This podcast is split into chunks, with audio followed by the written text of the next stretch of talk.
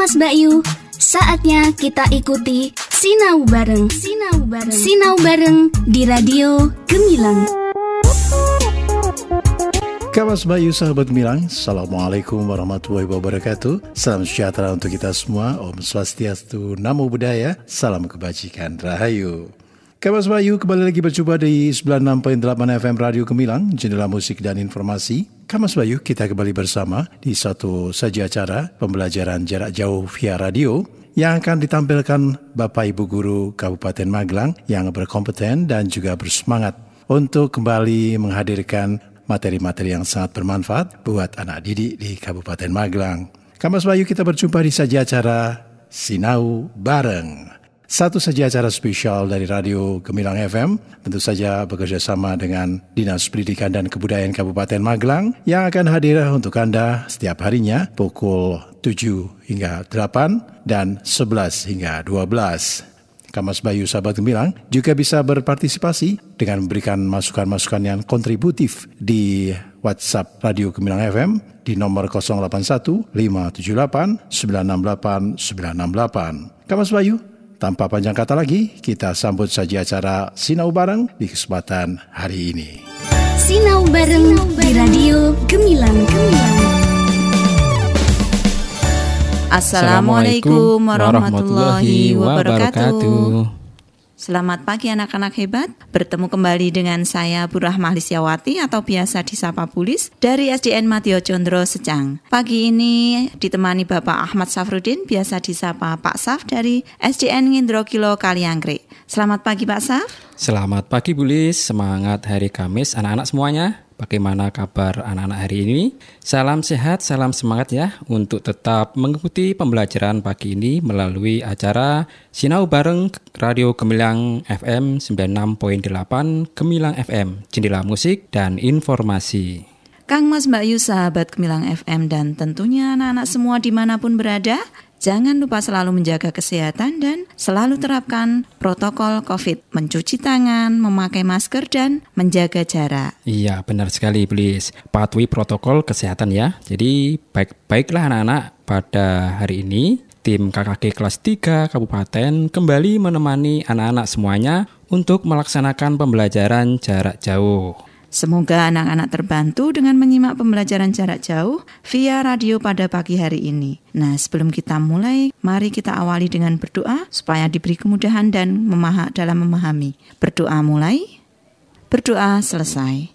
Baiklah anak-anak, ternyata pagi ini kita bukunya baru ya Pak Saf? Oh iya tentunya boleh. Jadi lebih bersemangat ya anak-anak pada pagi hari ini karena ada sesuatu yang baru akan kita pelajari. Begitu? Harus ya setelah kalian selesai mempelajari satu buku yaitu tematika tentang benda di sekitarku, pagi ini ternyata kita sudah mulai mempelajari tema 4 kewajiban dan hakku, subtema 1 kewajiban dan hakku di rumah, pembelajaran 1, 2 dan 3. Baiklah, sebelum pembelajaran dimulai, kita aturkan dulu ucapan terima kasih kepada pihak-pihak yang membantu terlaksananya kegiatan Sinau Bareng Gemilang FM. Nah, yang pertama adalah kepada Bapak Bupati Magelang. Beliau Bapak Zainal Arifin, Sarjana Ilmu Politik, Kemudian Kepala Dinas Pendidikan dan Kebudayaan Kabupaten Magelang, Bapak Aziz Amin Mujahidin, MPD, beserta jajarannya Pak Kabit, uh, yaitu juga pengawas jenjang SD, ada K3S, kemudian Koordinator KKG Kabupaten Magelang. Nah, kami ucapkan juga terima kasih pula kepada Bapak Ibu Guru, tenaga Pendidikan Kabupaten Magelang secara umum dan khususnya untuk Bapak Ibu guru kelas 3 yang kali ini membersamai pembelajaran anak-anak di rumah. Tidak lupa beserta uh, seluruh orang tua yang selalu setia untuk mendampingi, mendukung dan memberikan motivasi kepada putra-putri dalam memberikan ilmu yang bermanfaat selama pembelajaran jarak jauh ini. Oh ya Bulis, kita mulai ya. belajar tema 4 ya. Iya, apa tujuannya? Tema 4, iya. Tujuannya Baik. apa Bulis? Oh ya, baik anak-anak.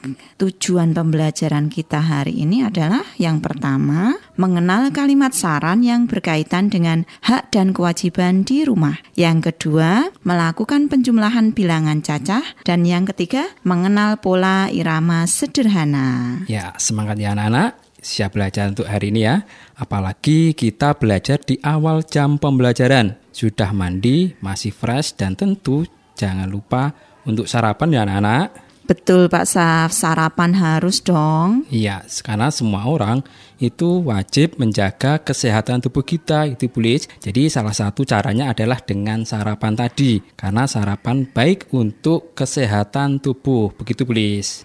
Iya anak-anak, karena sarapan tadi seperti yang dikatakan oleh Pak Saf ya, merupakan sumber energi bagi kita untuk beraktivitas hari ini. Iya, Apalagi hari ini bersemangat ya Pak Saf. Iya, siap. Untuk menemani anak-anak semua sahabat Gemilang FM untuk belajar dan pastinya bunda-bunda di rumah juga sudah menyiapkan sarapan untuk anak semua anak-anak semua iya kan nah jadi jangan sampai mengecewakan orang tua dengan sikap kalian mengatakan bahwa ah aku nggak mau sarapan ibu Wah iya betul. Kadang anak-anak seperti itu ya. Jadi tentunya bunda akan kecewa kalau kalian ah, seperti itu tidak mau sarapan. Begitu ya, Bulis. Iya, jadi orang tua kita itu di rumah sudah memberikan kasih sayang sepenuhnya untuk anak-anak semua. Jadi hargailah orang tua kalian. Karena apa anak-anak?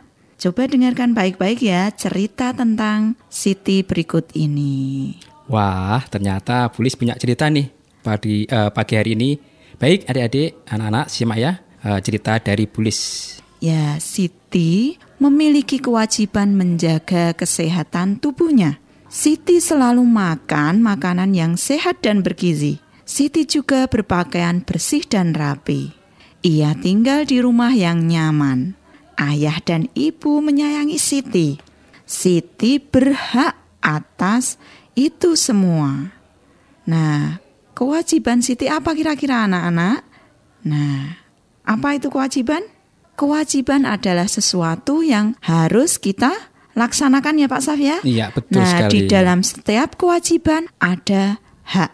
Hmm, Hak itu? berarti sesuatu yang kita terima. Oh, begitu ya. Iya, coba kalian pelajari kewajiban dan hak anak-anak semua di rumah kalian. Atau mungkin Pak Saf bisa menambahkan? Oh iya, siap Bulis. Anak-anak, di dalam setiap kewajiban selalu ada hak yang kita dapatkan.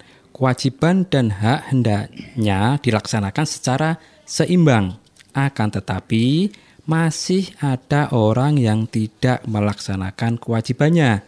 Setiap orang harus melaksanakan kewajiban. Sebagai seorang anak, kalian harus menyayangi orang tua kalian.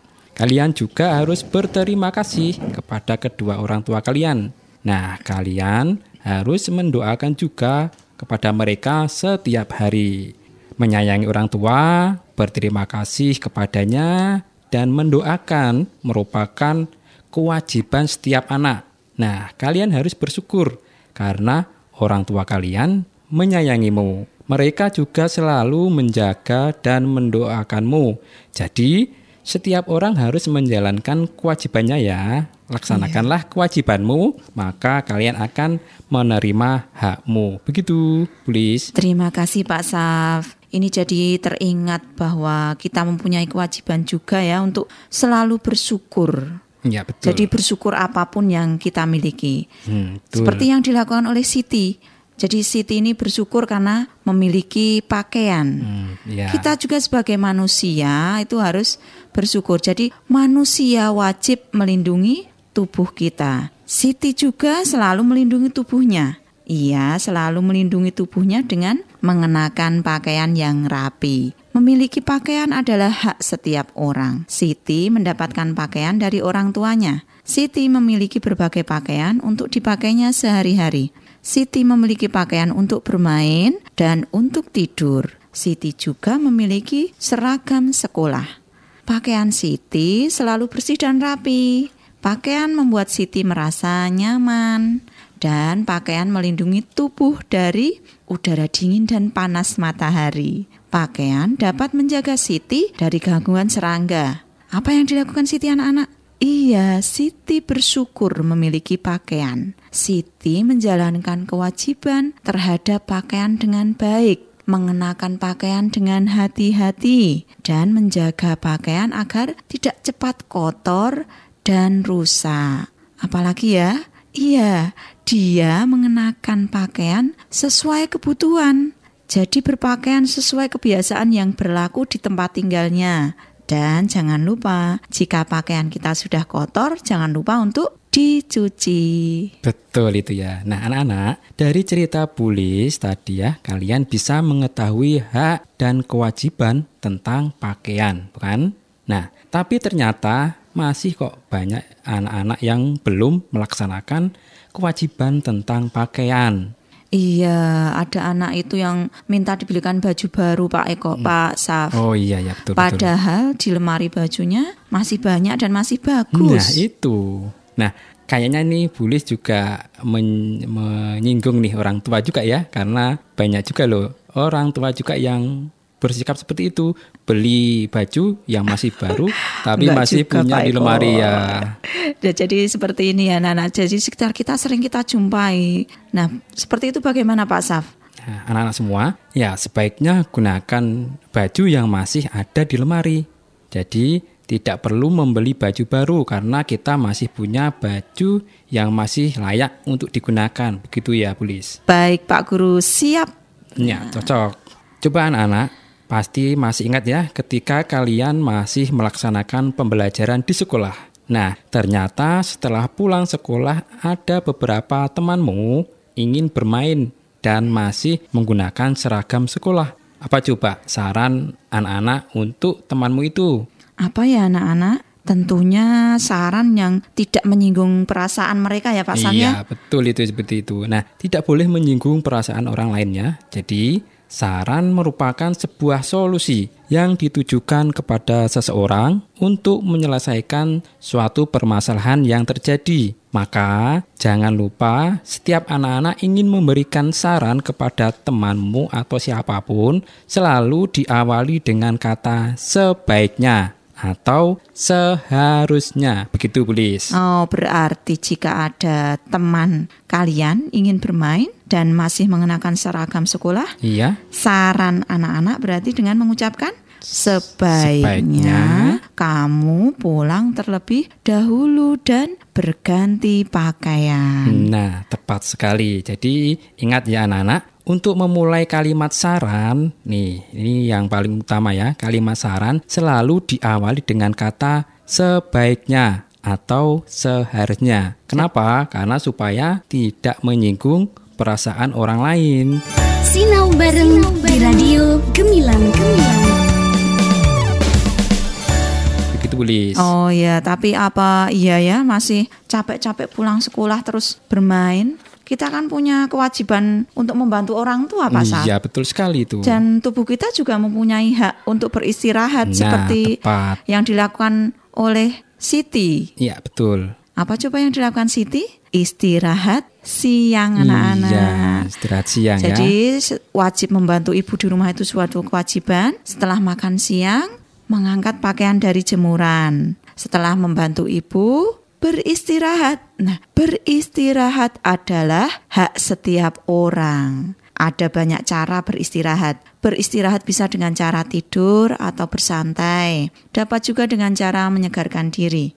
Tujuannya adalah membuat tubuh tenang. Salah satu contohnya dengan tidur siang. Tidur siang dapat menghilangkan rasa lelah. Tidur siang juga menyehatkan badan dan menenangkan pikiran. Dengan tidur siang, tubuh akan kembali segar dan bersemangat. Jadi, kalian, tubuh kita ini mempunyai hak untuk beristirahat. Iya betul. Setiap anak itu memiliki hak beristirahat di rumah ya. Jadi jadi salah satu cara beristirahat adalah tadi dengan tidur siang. Setiap orang memiliki aturan yang wajib diikuti tentang beristirahat siang. Nah, anak-anak bisa menuliskan cerita tentang kebiasaan beristirahat siangmu dan kewajibanmu. Nah, nanti dituliskan ya ceritanya. Tentu bisa ya anak-anak dan tetap bersemangat bersama Gemilang FM. Nah, setiap anak berhak memiliki tubuh sehat. Apa itu tubuh sehat? Apa yang harus kamu lakukan agar memiliki tubuh sehat? Bisa kalian diskusikan dengan orang tua kalian di rumah. Nah, jadi bagaimanakah memiliki tubuh sehat? Kita simak penjelasan dari Pak Saf. Baik, anak-anak. Untuk memiliki tubuh sehat, kamu wajib menjaga kesehatan tubuh. Nah, tubuh yang sehat membuatmu dapat belajar dan bermain. Tubuh yang sehat juga membuatmu dapat berjalan dan bekerja. Tubuh yang sehat membuatmu dapat bergerak aktif dan gesit. Setiap anak berhak loh memiliki tubuh yang sehat. Namun ada juga anak yang mudah sakit. Iya, itu di Ya kan? sekolah itu ya kadang. Iya. Tubuh anak yang sakit itu menjadi lemah sehingga susah bergerak. Mereka seharusnya menjaga tubuhnya agar selalu sehat. Begitu, Bulis. Apalagi saat ini, pandemi ini, Bulis. Iya, jadi anak-anak ya menjaga tubuh tetap sehat ini merupakan kewajiban kita semua betul ya Pak Sam. Betul, betul. Nah, coba apa yang harus kamu lakukan agar tubuh kalian sehat? Simak ya. Yang pertama, makan makanan yang bergizi dan makan dengan teratur. Yang kedua, istirahat yang cukup. Dan jangan lupa untuk rajin berolahraga serta minum air putih yang banyak sehingga Iya. baik untuk tubuh kita. Sip juga, sip, sip. Nah, semakin paham ya anak-anak bagaimana sih menjaga kesehatan tubuh. Seperti Pak Guru nih, sebelum berangkat eh, menemani anak-anak belajar jarak jauh ini sudah sarapan untuk mempersiapkan aktivitas di hari ini, Bulis. Bulis juga tentunya sudah sarapan Pak Saf. Ya, Oke, Apalagi tadi sudah masak sayur bayam dan ayam enak. Pak Saf. Wah, enak sekali nikmat Iya. ya. Nah, anak-anak, kita mengetahui bahwa ada yang biasa sarapan nasi, ada juga ubi, roti, ataupun kentang. Bagaimana dengan kebiasaan sarapan di rumahmu anak-anak? Ya kalau orang Jawa itu katanya kalau belum makan nasi belum kenyang Pak Saf. Ya itulah Indonesia. Iya. Nah, apalagi Sebentar ya Pak Saf Oke, oke, tadi oke. kok Pak Saf mengatakan kentang. Jadi ingat ini. Hmm. Betul Bukannya sekali. di Kaliangkrik ini banyak petani kentang ya? Iya, betul. Benar-benar surganya sayuran kalau di Kaliangkrik itu. Nah, itu. Boleh ya kapan-kapan ajak jalan-jalan ke sana ke mana Bu? ke Kaliangkrik borong sayuran. Oke, ke Silancur atau boleh, ke Nepal, Van boleh, Java? boleh. Yang pasti kalau ibu-ibu itu boyong borong sayuran-sayuran. Oh, Salah siap, satunya tadi please. kentang, Pak Nah, Saf. Siap Bulis, di Kaliangkrik itu banyak spot yang menarik loh. Ajaklah orang tua kalian yang ketika nanti eh, kondisi pandemi ini sudah berakhir ya, tentunya biar aman. Berwisata ke Kaliangkrik, di sana itu memang banyak petani kentang. Iya, kentang tadi Pak Saf. Ya, silahkan Bulis nanti memborong ya kalau Siap, bermain nanti mau ke Kaliangkrik, ke- iya, ada bagikan ke- Mangli, ada Butuh juga itu. Mm-mm, bagikan ke tetangga kentang yang bukur borong dari Kaliangkrik. Nah, kira-kira kalau Bulis memborong kentang di sana bisa dibagi ke tetangga ya Pak Sam ya? Tentu bisa sekali Bu, eh, dibagi dengan tetangga, mungkin bisa satu RT nanti karena Iya, berapa toh kira-kira itu? Nah. kalau panen kentang itu. Nah, para petani kentang biasanya itu memanen sekitar satu sekali panen ya, sekitar seribu, seribu butir ya. Ya. Nah, kemudian 1200, ada 1000 sampai Banyak sekali ya. 1500 sampai bahkan 2000 kentang bulis. Petani itu menyimpan sebagian kentang itu di rumah. Kemudian sebagian lagi ya dijual, Dijual. untuk kegiatan Oh, ekonomi, jadi untuk tidak cari dikonsumsi uang. sendiri ya, juga ya. kalau sendiri kan Terlalu habis nanti. banyak. Nah, Iya, ternyata melimpah sekali panennya ya anak-anak. Bolehkah Bu Guru meminta bantuan anak-anak untuk menuliskan berapa kemungkinan kentang yang dijual ke pasar dan yang disimpan di rumah? Bagaimana Pak Saf? Kira-kira Nah, anak-anak bisa ya? Insya Allah pasti anak muda ini. Gini ya, Pak Guru bantu ya, misalnya Iya, Pak panen. Saf, coba dibantu Oke, anak-anak. Misalnya panen seribu, seribu kentang. Nah, banyak kentang yang dijual eh, seri- 750. Kemudian ditambah kentang yang disimpan di rumah 250. Nah, kalau di total atau dijumlahkan 750 ditambah 250 sama dengan 1000. Atau bisa nanti kalian eh, menyimpan kentang atau menjual kentangnya 800. Kemudian eh, banyak kentang yang disimpan di rumah itu 200. Nah, di total kalau du- 800 ditambah 200 sama juga dengan 1000. Berarti itu kemungkinan penjumlahan yang kedua Iya, ya Pak ya. penjumlahan Tadi yang kedua. pertama 750 ditambah 250 sama dengan 1000. Atau- yang kedua pilihan yang kedua 800 ditambah 200, sama Jadi dengan 1000. 1000 Sama-sama kentang. 1000. Iya. Jadi kemungkinan penjumlahan ya kalau anak-anak nanti mengerjakan soal seperti itu. Iya. Banyak sekali nih kemungkinan yang terjadi. Ya. Bagaimana kalau panennya 1200 kentang Pak? Nah, kalau 1200-nya sama tadi misalnya kentang yang dijual 900. Kemudian yang disimpan di rumah 300. Kalau dijumlah 900 ditambah 300 sama dengan 1200. Atau bisa kemungkinan yang kedua adalah kentang yang dijual itu 1050. Kemudian yang Berarti disimpan, yang di disimpan rumah 100. 150. Oh iya. Kan jumlahnya sama, Iya. 1200 begitu Bulis. Iya, jadi ada dua kemungkinan tadi yang disampaikan oleh Pak Asaf. Bisa kalian juga Me- menghitung. Iya, Me- bisa menghitung. me- apa jenis? Eh, kombinasikan. bilangan-bilangan Yang kemungkinan hasilnya bilangan sama. iya yang hasilnya sama. Anak-anak di rumah kan pastinya kreatif-kreatif. Iya, Apabila ada kesulitan bisa minta bantuan orang tua Orang kalian tua. atau sampaikan ke Bapak, Bapak Ibu guru. iya, lewat WA ya, Jadi lewat WA tambah group. paham sekali ya Pak Saf tentang Iya. hitungan kentang yang dipanen oleh petani tadi. Jadi anak-anak lebih paham ya dari penjelasan tadi tentang berapa kemungkinan pada penjumlahan bilangan caca. Iya pastinya karena Ini sudah keseharian, Iya, iya, tapi bukan berarti mereka sehari-hari makan kentang ya. Ya iya, harus bervariasi. Variasi. Jadi makanannya yang memenuhi Eh, empat sehat, ya, iya bergizi, gizi. empat sehat, lima sempurna. Apalagi jika makanan yang dimasak dengan penuh kasih sayang bunda di rumah, pasti tambah lezat. Iya betul sekali. Jadi ingat betapa besar ya jasa orang tua kita ya. Anak-anak harus bersyukur dong ya karena selalu berdoa untuk orang tua kita karena kasih mereka tak terhingga. Betul betul betul Pak Saf. Jadi anak-anak apa ya? Kalian tentu sangat senang mendapatkan perhatian orang tua kita disayangi itu kan kita merasa senang ya Pak Saf Betul ya. sekali. Apalagi disayang apa sebagai orang tua kita akan menyayangi anak-anak kita dan kalian sebagai anak-anak juga harus menghormati dan menyayangi orang tua kalian. Betul. Kalian dapat menyampaikan rasa sayang kepada orang tua dengan menyanyi. Coba Pak Saf Waduh. bisa menebak lagu apa kira-kira? Eh, kira-kira ya. Jadi mungkin lagunya berirama lambat ya. Iya. Anak-anak pasti bisa. Kalau lambat kan bisa lebih menghayati karena lagunya kan kasih sayang. Iya. Kemungkinan lambat gitu ya lagunya. Iya. Nah, kalau boleh tebak nih, eh, mungkin lagu Jika Ibuku Tua Nanti karya Ate Mahmud. Bukan begitu, Bulis? Wah, kok bisa ketebak ya? Hmm, Padahal iya. tadi mau Kan buat ada penasaran sayang-sayangnya. semua pendengar. Iya, tapi Hmm, baiklah. betul.